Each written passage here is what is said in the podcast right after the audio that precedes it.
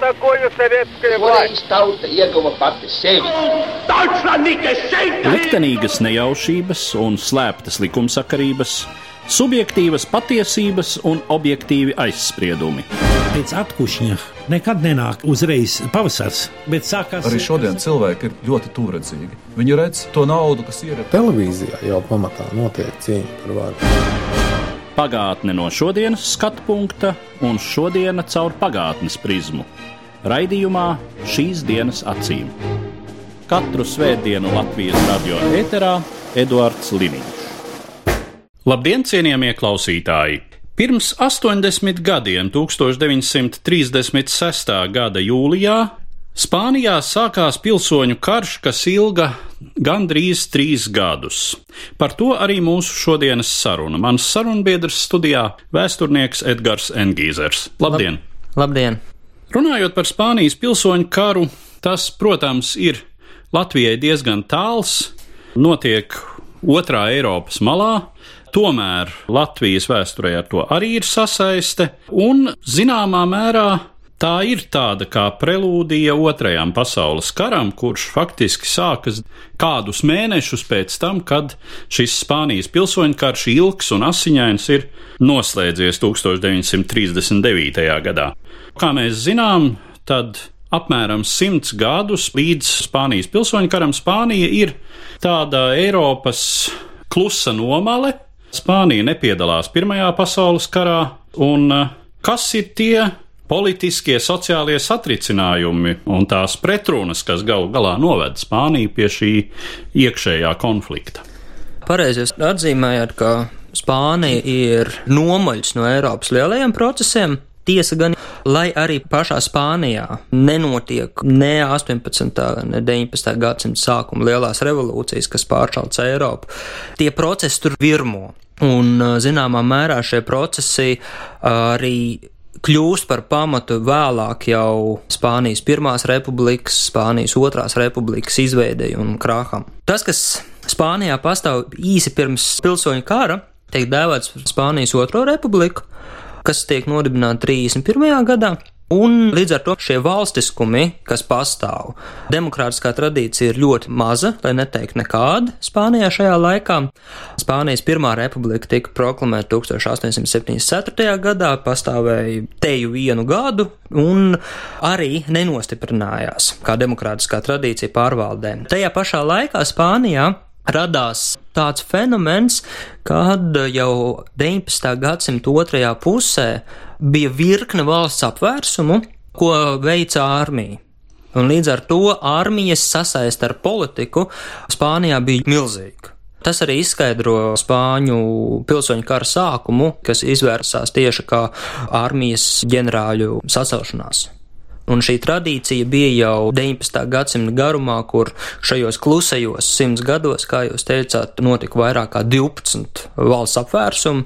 Dinastijas mainījās turp šurpu, karaļa vara bija vāja, sociālajie procesi bija teju revolucionāri, līdz revolūcijai nenovedot, bet nabadzība, trūcīgais darba ļaužu pulks, bats vairākās lielajās pilsētās, kas radīja ļoti lielu neapmierinātību ar valdību. Un arī republikāņu valdības gan 874. gadā, gan arī 1931. līdz 36. gadam nespēja atrisināt šīs problēmas. Līdz ar to varas nomaiņa, armijas līdzdalība iekšpolitikā, neapmierinātība ar pastāvošo varu, vienalga, kurš ir pie varas, un ļoti lielais vardarbības īpatsvars politisko jautājumu kārtošanā. Mēs varbūt varam nedaudz atcerēties Latvijas vēlēšanu tradīciju 20. gados. Arī visā Eiropā politiskās partijas veidoja savus paramilitāros grupējumus un sardzes vienības. Tad Spānija arī vardarbībā politikā ļoti liels krimināla īpatsvars, kas viss noveda pie šī degmaisījuma, jo nevar teikt, ka Spāņu pilsoņu karš izceltos tikai dēļ kāda viena cilvēka vai vienas politiskas problēmas dēļ, tas bija ļoti liels mīkslis. Jā, vēl var pieminēt to, ka laikā, kad citu Eiropas lielo valstu, un Spānija neapšaubām ir Eiropas liela valsts, kad citu Eiropas lielo valstu koloniālās impērijas piedzīvo savu apogeju, Tad Spānijas koloniālā impērija, kas ir pirmā Eiropas koloniālā impērija, kas ir izveidojusies pasaulē, tā sāk brukt, un Spānija savas kolonijas zaudē 19. gadsimta pirmajā pusē. Droši vien arī šis process zināmā mērā ietekmē noskaņojumu, izjūtu par to, kas notiek ar valsti. Sevišķi militārajās aprindās, jo tradicionāli militārās aprindas ir konservatīvākas, un ja mēs runājam par impērijas garu, kas neapšaubām Spāņu karalistē bija klātesoši, tad militārās aprindas un augstākā virsniecība visvairāk izjuta šīs valsts prestiža zudumu. Vēl vairāk jau 19. gadsimta otrajā pusē pacēlās katalāņu jautājums, un basku jautājums, kas nav pazudis līdz pat mūsdienām no dienas kārtības. Un šis uh, faktiski kļuva arī par vienu no galvenajiem katalizatoriem Spāņu pilsoņu kara sākumā, jo tieši republikāņu valdības diezgan sociālistiskās kreisās valdības reformas Katalonijā, izglītības sistēmā, baznīcu politikā kopumā noveda pie sajūtas, ka valsts ne tikai koloniālajie īpašumi, bet valsts unitaritāte ir apdraudēta. Tas bija viss lielākais pamudinājums arī konservatīvajiem ģenerāļiem sacelties. Runājot par vēl vienu nozīmīgu sociālu spēku Spānijā, tā nenoliedzami ir katoļu baznīca. Un te varbūt mēs varam runāt arī par tādu būtisku vērtību pretstāvi sabiedrībā, ka Spānijas sabiedrībā tajā laikā ir ļoti konservatīvas noslieces, un fundamentālistiska katoļu ticība ir viena no tām saknēm, kas arī baro Spānijas ultrakonservatīvismu. Un no otras puses, Spānijā ir pārstāvētas visas visradikālākās kreisās kustības. Tur ir spēcīga anarchistu kustība, tur ir spēcīga sociālistu kustība, tur ir spēcīga komunistu partijas ietekme, tā skaitā Padomju Savienības ietekme. Nu, un tur ir arī Protams, tajā laikā Eiropā ļoti modernā fašistiskas ievirzes kustība. Izskatās, ka šīs fašistiskās ievirzes kustības kļūst populāras tad, kad katoliskās partijas un katoļu baznīca nekautrējās iet politikā republikas un parlamentārajā periodā. Tad, kad katoļu partijas parāda, ka viņas nav spējīgas atrisināt šīs domstarpības, kas sabiedrībā, protams, ir, tad liela daļa no viņu biedriem pārmigrē uz falangu šo fašistisko kustību, un tad viņa kļūst visaptveroša un masveidīga. Un līdz ar to mēs redzam, ka katoļu baznīcas loma Un cilvēki, kas vairāk sevi identificē ar šo katolisko, viņi viennozīmīgi noslēdzas par labu nacionālistiem. Bet fenomens, kas Spāniju atšķir no pārējās Eiropas, ir tieši šīs kreisās kustības, kas Eiropā piedzīvo sakāvi jau 20. gados. Un atšķirībā no Francijas, Vācijas vai tās pašas Itālijas, Spānijā izveidojas ļoti spēcīga anarchistu kustība, kas nav sociālisti, kas aptver vairākus desmitus tūkstošus cilvēku, kas ir pret jebkuru valsts pārvaldi, vai tā būtu republika, vai tā būtu monarhija, vai tā būtu diktatūra. Un, un vairāk pozicionējās kā tieša strādniecības pārvalde, tāds anarcho-sindikālisms savā ziņā, kas parāda šo Spānijas atšķirība, jo pirmkārt, urbānā vide, kas Spānijā ir salīdzinoši neliela, bet ļoti dinamiska un uz attīstības ceļa esoša, otrkārt šī plašā agrārā vide.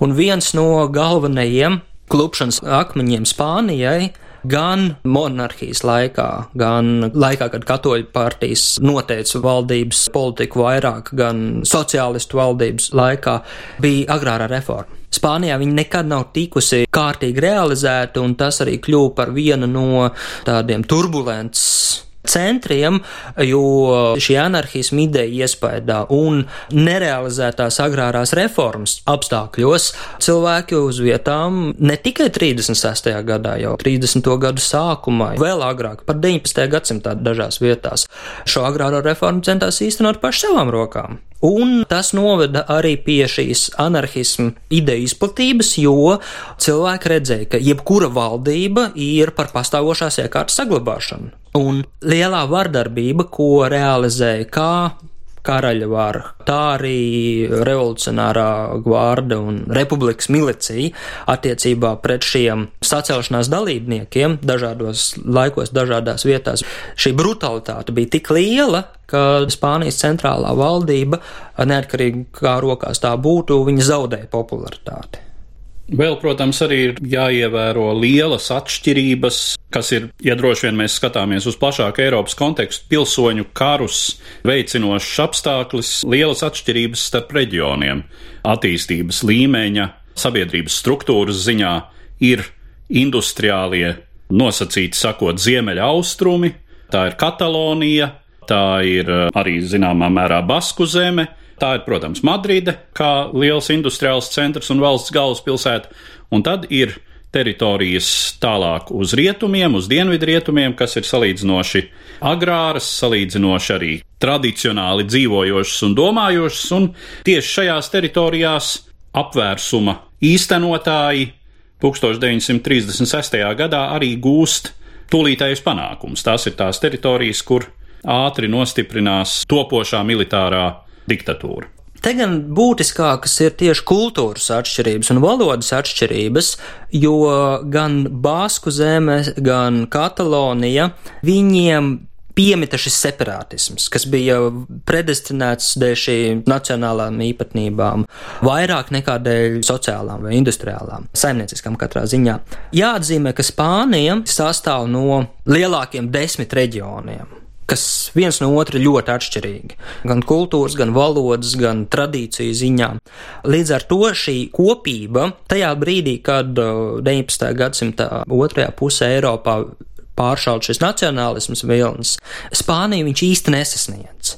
Un karalis, kā vāja centrālā vara, nespēja apvienot visu valsti. Turklāt valsts sastāvā ir arī Spāņu Maroka, kas ir ļoti būtisks elements pilsoņu kara kontekstā, citi aizjūras valdījumi, un šī unitārās nācijas ideja tur nenostiprinās. Otrs, runājot par apvērsumu izdošanos, Ir jāatzīmē, ka jau 30. gadu sākumā Spānijas valdībā bija nojausmas par lielo neapmierinātību armijas rindās un notika sekošana, ko kurš Virsnieks domā, protams, spēcdienas strādāja arī tajā laikā, lai cik viņos ieklausījās vai neieklausījās vairāk politiķi, tas ir cits jautājums. Bet uh, lielākā daļa no konservatīvajiem iespējams pret republiku orientētajiem ģenerāļiem tika aizrotēti. Rotācija militārā vadībā tajā laikā tika izmantot tieši tāpat kā mums ieņemam dienestā. Ja rodās šaubas par kaut ko, ko nevar pierādīt, tad Franko aizsūtīja uz Kanārijas salām, kādu citu aizsūtīja citur, jo Franko jau pats arī nebija pirmais no sacelšanās vadoņiem. Viņš izcēlās starp pārējiem tikai vēlāk. 36. gada laikā. Un nonāca pie situācijas, kad uh, Spānijas ziemeļos atrodas tikai viens ģenerālis Mejs, kurš ir šī apvērsuma uh, idejas atbalstītājs un viens no organizatoriem, bet vispārējie ir kaut kur citur. Vai salās, vai Spāņu Marokā. Un Spāņu Maroka ir jāatzīmē arī kā vieta, kur ir visspēcīgākā Spānijas armijas daļa. Tas arī ir viens no galvenajiem iemesliem, kāpēc Spāņu Maroka tika izvēlēta kā apvērsuma sākuma punkts, jo šīs armijas rindās konservatīvi noskaņot cilvēku, sevišķi virsnieku bija daudz vairāk. Tas bija koloniālais karaspēks. Arī tur ir atšķirība domāšanas veidā, kā koloniālā armija un armija pašā Spānijā, kā viņi sev pozicionē. Turklāt tur arī pats Franko sāka šīs armijas vadību apvērsuma sākumā, jo viņa personīgais prestižs tur bija augsts. Un Franko, kurš pirms tam bija Spānijas kara akadēmijas vadītājs, No šī posteņa tika aizsūtīts uz Kanārijas salām kā garnizona divīzijas komandieris, kas, protams, bija tāda iluzora drošības sajūta Spānijas valdībai. Domā, ka viņi paredzēja, ka kustības šo kontingentu starpā būs laikā novilcināts un paspēs uz to norēģēt. Tieši vācu aviācijas palīdzība sākuma stadijā bija galvenā, jo šī kustība notika pārāk ātri. Spāņu armija pati nebūtu spējusi sakārtot loģistiku tā, lai apvērsums tiktu realizēts bez traucējumiem, bet Vācijas atbalsts šo tēmu pātrināja tik tālu, ka Spānijas centrālā valdība vienkārši nepaspēja noreaģēt. Tad jā, Spāņu Marokā, kā viens no galvenajiem šīs sacelšanās centriem ar ārkārtīgi spēcīgu koloniālo armiju, kas ir konservatīva un kas ir neapmierināti ar republikāņu valdību, kas pirmkārt dod dažādas brīvības Basku zemē, Kataloņiem, dažādi ierobežo katoļu baznīcu, reformē skolas, atdalot tās no baznīcas vairāk nekā tajā laikā bija pieņemts, un šīs pilsoniskās idejas brīvības, ko republikāņu valdība un sociālisti lielākoties cenšas tur īstenot, viņi, protams, ir kā dadas acī šai koloniālajai varai, ko sevī šī virsniecība iemieso. Ja tad mēs izkārtojam tos Spānijas iekšējos spēkus, kuri nostājas vienā un kuri nostājas otrā pusē. Kas tad ir apvērsuma atbalstītāji, kuri vēlāk iegūst tādu vispārēju apzīmējumu nacionālisti, un kas ir Spānijas tobrīd legālās valdības, kurus vēlāk sāk apzīmēt par republikāņiem tajā pusē. Šis kokteils ir ārkārtīgi milzīgs. Mēs nevaram arī nodalīt to pēc reliģiskā faktora, kā reizē mēdz darīt. Jo, lai arī katoļu baznīca atbalsta nacionālists, tad, piemēram, Katalonijas iedzīvotāji, kas lielākoties ir daudz izteiktāki katoļi nekā citos Spānijas reģionos, katoļu baznīca tur ir ļoti spēcīga, viņi atbalsta republikāņus. Saprotot to, ka viņu autonomijas prasības, ko republikāņi solīti pa solītim ņem vērā, par kādu atdalīšanos vai separātismu runa nav, bet runa tieši par autonomijas, kultūra autonomijas prasībām, tad nacionālistu valdība jebkurā gadījumā liks visu šķēršļus tam. Tas pats notiek Basku zemē. Katoļu baznīca atbalsta republikāņus. Un faktiski šie divi lielie centri arī kļūst par tādiem republikāņu atbalsta punktiem. Pat Madrid, Katalonija, Basku zemes, kas ir vairāk dēļ šīm kultūras identitātēm un atšķirībām. Apvērsumu atbalsta armija, kas ir praktiski arī tas galvenais. Armija vietām sadalās kā jau jebkurā pilsoņa kara apstākļos. Un var redzēt, ka tajās pašās lielākajās pilsētās armija sadalās tik tālu, ka nacionālisti nespēja gūt tūlītēju uzvaru. Tā skaitā arī runājot par agrārajiem dienvidiem. Vēl var atzīmēt to, ka sākotnēji republikas aizstāvība nonāk milicijas rokās, kas ir ļoti neorganizēta. Un uh, jau agrīnā stadijā, kad karu var raksturot ar dažādas pakāpes teroru pret vietējiem iedzīvotājiem, pilnīgām tīrīšanām no abām pusēm. Ļoti brutāls, ļoti asiņains konflikts, kad jau pašā kara sākuma stadijā šī anarchistiskā ideja izaug tik tālu, ka lauku reģionos visi karo pret visiem. Sevišķi runājot par mazajiem kalnu ciemiem, caur kuriem armija virzās, šī pašaizsardzība veidojās. Agrīnā stadijā jau sākas starptautiskā intervence.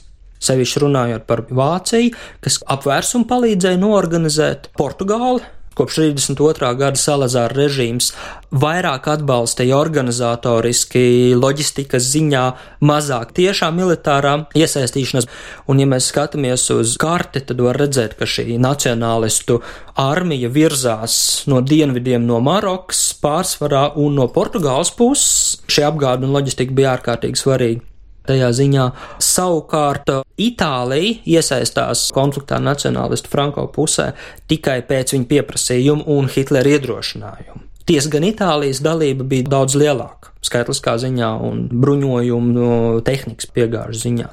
Var teikt, ka lielākā daļa no modernām kara ierīcēm, kas Spānijas pilsoņu karā tiek realizētas, ir ārvalstu palīdzību abām šīm pusēm. Padomju Savienība iesaistās karā pēc tam, kad republikāņu valdība to lūdz darīt, un republikāņu valdība to lūdz darīt tad, kad Anglija un Francija ir pasludinājuši neutralitāti šajā konfliktā.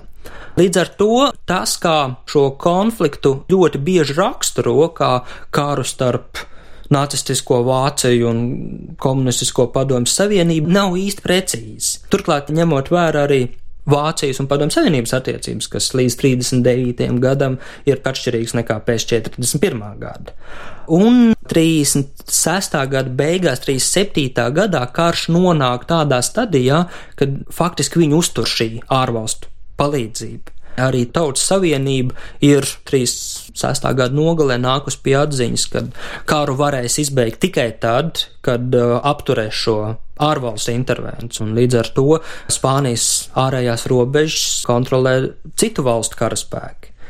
Anglijas, Francijas, arī Latvijas virsnieki piedalās šo robežu uzraudzībā, Latvijas un Igaunijas. Ir 27 valsts, kas veido šo neutralitātes komisiju, cenšas kontrolēt ieroču piegādi. Abām pusēm, cik selektīvi un cik veiksmīgi tas notiek, tas ir cits temats un dziļāks pētniecības un cits sarunas, jo Tautu savienība šajā laikā, jau 37. gadā, zināmā mērā ir iespaidojusies no antikomunistiskām idejām, un ieroču piegāde nacionālistiem tiek kontrolēta daudz vājāk nekā ieroču piegāde republikāņiem, ko veids Padomju Savienība un Meksika. Meksika ir otra lielākā valsts, kas atbalsta republikāņus. Republikāņus atbalsta lielākā daļa no Eiropas inteliģences, liberāli domājošā inteliģence, un tas arī ir krasā pretrunā ar mums zināmā mērā pazīstamo dalījumu - fašistu un republikāņu vai sociālistu. Republikāņi lielā mērā bija sociālisti Spānijā šajā laikā, bet šī republikāņu frontes daļa iekšējā struktūra veidojās gan no sociālistiem, gan no komunistiem, gan no liberāla demokrātiem, gan no republikāņiem, šī vārda klasiskā izpratnē, gan arī vietām, ne visur, bet arī no anarchistiem. Jo anarchisti vietām pieslējās republikāņu spēkiem, vietām nē, jo anarchisti karo ne tikai pret diktatūru vai pret fašistisku režīmu, kā sevi pozicionēja Franko jau agrīnā stadijā, tad viņi karo arī pret republiku kā valsts iekārtu. Līdz ar to tas mīkslis ir ārkārtīgi liels. Var vēl pieminēt, ka aptuveni 120 latviešu karo republikāņu pusē, par ko padomju laikā, protams, pie mums drusku vairāk runāja nekā šobrīd. Aptuveni 25 šķiet latvieši karoja republikāņu pusē no padomju savienības. Tie bija tie slavenie militārie eksperti un padomnieki, kas Spāņu pilsoņu karā nospēlēja diezgan lielu lomu. Sevišķi, ja mēs runājam par Madrides aizsardzību un lielo kauju plānošanām. Bet, ja mēs atgriežamies pie Latvijas latviešiem, tad viena liela daļa no tiem jau arī nebija komunistiski noskaņoti. Bet šī apziņa, ka fašistiskais režīms kas ir izveidojies Itālijā, Vācijā, Portugālē un šobrīd karo Spānijā, kad visa Eiropa mainās. Viņa ļoti iespaidoja radošo inteliģenci. Līdz ar to mēs redzam, ka ļoti daudz rakstnieki, mākslinieki, sevišķi franču un angļu liberālās domas piekritēji, viņi piedalās šajā konfliktā. Tas pats Ernsts Hemingvejs, kurš karo šajā karā. Džordžs uh, Orvels. Džordžs Orvels, jā. Un mēs redzam, ka inteliģence atbalsta republikāņus, un arī sabiedrība atbalsta republikāņus, bet Eiropā sevišķi Francijā un Lielbritānijā, politiskās aprindas redzot, kā nacionālistu pusē iesaistījusies ir Vācija, ļoti aktīvi cenšas neprovocēt Vāciju uz lielu Eiropas karu un līdz ar to nesako sabiedrības viedoklim savās valstīs un iet šo neutralitātes atturēšanās ceļu. Jā, un, protams, Eiropas tobrīd eh, politiskajai konjunktūrai varas nesējiem ir šis padomju bubulis, jo tiklīdz padomju savienība sāk atbalstīt republikāņu valdību, tad Vācijai savukārt izdodas pārliecināt Britu un arī Franču valdošās aprindas, ka pastāv komunisma briesmas, kā Spāniju apdraud bolševisms, kā atbalstīt republikāņu valdību nozīmē faktiski atbalstīt Spānijas bolševizāciju. Es gribētu piebilst, ka propagandas karš ir ārkārtīgi veiksmīgs no abām pusēm. Tas, manuprāt, arī noved pie šīs augstās brutalitātes praktiskajā kara darbībā, jo, jā, nacionālistiem ar vācu atbalstu, bet vācu loma šajā propagandas karā nav izšķirošā. Bet nacionālistiem izdodas pozicionēt kā karu pret bolševismu, Un lielākā daļa no Eiropas sabiedrības vēl atcerās Krievijas pilsoņu karu, kurā iesaistījās gan Francija, gan Anglija, un tas ir svaigā atmiņā esošs konflikts, un bolševismu draudi ir reāli uztverami. Un tie jau arī ir reāli. Un tie arī ir reāli. NKVD darbojās Spānijā tā, ka par maz neliekas. Jā, tikai cits stāsts, ka ne jau NKVD šo republikāņu valdību izveidojusi. Arī. Un te ir tā nelielā pretruna, ka kara laikā šis padomju iespējas ārkārtīgi pieaug. Un var redzēt, ka jau Madrides kampaņas laikā republikāņu valdība bez šo padomnieku viedokļa ir rīcība nespējīga. Tad kara sākumā Republikāņu valdība, viņa ir kreisa, viņa ir sociālistiska, bet viņa noteikti nav komunistiska. Valdības politikā iesaistās arī katoļu baznīca, kas ir pilnīgā pretrunā ar bolševismu ideju, un es teiktu, ka tā republikā 31. 36. gads ir ļoti turbulenta, kur valdības ir liberālākas, ir kreisākas, ir konservatīvākas, un viņas maina vienu otru, bet kara laikā šis padomju savienības spiediens uz republikāņu valdību pieaug, ņemot vērā arī šo militāro piegāžu iespaidu un republikas atkarību no šīm militārajām piegādēm. Jo, ja tautas savienība bija aplēsusi, ka karu ir iespējams pabeigt, izbeidzot šīs militārās piegādes, klusībā atzīmējot, ka sevišķi padomju militārās piegādes republikāņu pusē, līdz ar to var redzēt, ka Spānijas republiku tautas savienība jau zināmā mērā ir norakstījusi 37. gada sākumā, kad karš pilnā gaitā vēl iet, un var redzēt, ka šīs aplēses ir arī patiesas jo tikko 38. gadā beidzās padomi, līdzdalība tiek samazinātas piegādes un tiek uh, atsauktas internacionālās brigādes. Lielākoties tad arī franko spēki gūst vienu uzvaru pēc otras un kļūst neapturami. Jo, lai arī internacionālās brigādes nav lielas skaitliski, tad uh, viņas ir pietiekami kaujaspējīgas, un šī padomju militārā tehnika un bruņojums ir pietiekami būtisks elements, lai apturētu gan leģionu kondoras uzlidojumus, gan sauszemes spēku virzību.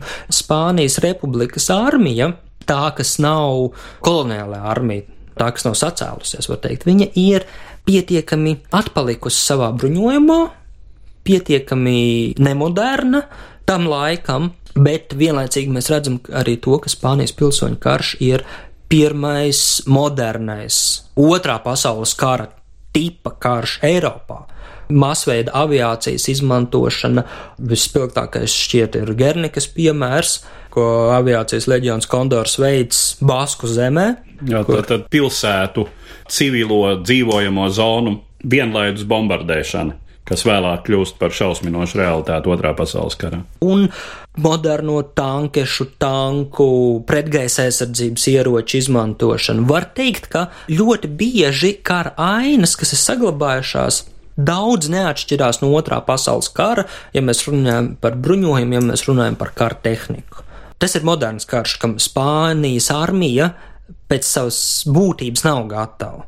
Un līdz ar to šīs piegādes no visām valstīm ir ārkārtīgi būtisks šī kara uzkurināšanā. Tajā brīdī, kad Padomju Savienība pasaka stop, un stop viņa pasaka lielākoties dēļ Minhenes sarunām, saprotot, ka Padomju Savienība tiek izolēta un būs jāmeklē ceļš sadarbībai ar Vāciju vismaz īstermiņā, Un, ja mēs runājam par šo nacistu un padomju sadarbību 39. gadā, tad Spānijas pilsoņu karā republikāņi ārkārtīgi cerēja uz Vācijas un Padomju Savienības karu.